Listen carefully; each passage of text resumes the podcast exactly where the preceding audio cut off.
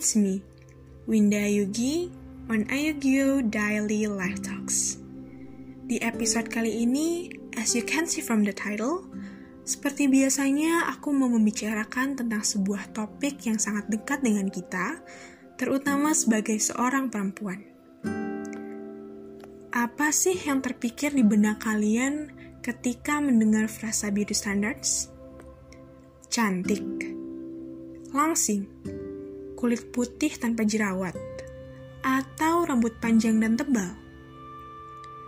Pada kenyataan yang gak bisa kita elak, we are living in this world with the beauty standard stick among us. Mau sebagaimanapun beauty standard ini mempengaruhi kita, in the bad way or good way, kita nggak akan bisa mengelak keberadaannya. Karena dia memang ada, dan sudah melekat jadi sebuah stereotype yang hidup selama bertahun-tahun lamanya. Ada banyak hal yang akhirnya timbul dari eksistensi si beauty standards ini, baik di sisi yang baik atau sisi yang buruk. Sisi baiknya adalah mungkin beauty standards ini jadi membuat kita lebih aware untuk merawat diri kita, meski tujuannya salah yaitu untuk memenuhi standar kecantikan yang sebenarnya nggak akan mungkin bisa kita penuhi seutuhnya, karena setiap perempuan punya their own type of beauty. Sisi buruknya, you can name it by your own.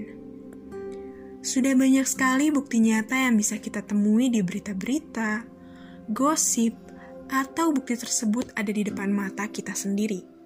Atau bahkan, malah diri kita sendiri yang pernah melakukannya. Sudah banyak sekali orang yang rela mengeluarkan banyak uang untuk mengubah physical appearance mereka. Banyak orang yang akhirnya mengorbankan kesehatan mereka cuma untuk dipandang cantik sesuai dengan standar yang beredar di masyarakat. Banyak orang yang rela nggak menjadi dirinya sendiri karena sudah terlalu lelah dihujat akibat penampilannya yang nggak sesuai dengan standar kecantikan. I was one of that beauty standards victim butuh bertahun-tahun untuk aku akhirnya bisa menyuarakan ketidaknyamananku terhadap stereotip ini. Butuh bertahun-tahun untuk aku akhirnya bisa menerima diriku apa adanya. Dengan semua kata-kata yang gak mengenakan dari orang, entah itu tujuannya baik, buruk, atau mungkin cuma bercanda, butuh bertahun-tahun untuk aku bisa stand for myself and give myself a self-acceptance. Isn't it ironic? Orang-orang lebih banyak bisa menghargai mereka yang dilahirkan dengan anugerah cantik.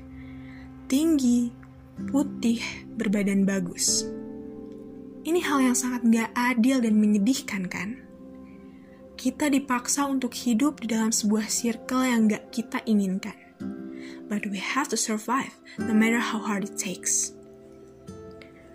Pada akhirnya, semua ini menimbulkan sebuah pertanyaan dalam otakku. Apa beauty standard ini benar-benar ada? Atau jangan-jangan selama ini masyarakat cuma termakan sama stereotip yang beredar tanpa pernah memilah dulu paham mana yang perlu mereka anut dan paham mana yang harus mereka enyahkan jauh-jauh dari kehidupan. Terlalu lama hidup dalam pengaruh standar kecantikan Ngerasa nggak sih kalau kita malah jadi diperbudak? Kita jadi sering kali ragu untuk express ourselves just the way we are. Kita jadi sering ngerasa malu, ragu, kaku, takut dan insecure akan jati diri kita sendiri. Kita terus-terusan berusaha mengejar standar itu sampai lupa untuk mengenal diri kita sendiri. Padahal, yang paling penting untuk bisa tampil cantik dan percaya diri adalah mengetahui sejauh apa kemampuan yang kita punya. Kemampuan yang bukan hanya sekedar penampilan fisik. Setelah bertahun-tahun terus menelan pil pahit kehidupan yang sering kali memaksa aku untuk mengubah diri, aku belajar banyak hal yang menggiringku pada sebuah jawaban dari pertanyaan Apakah beauty standards itu benar-benar ada?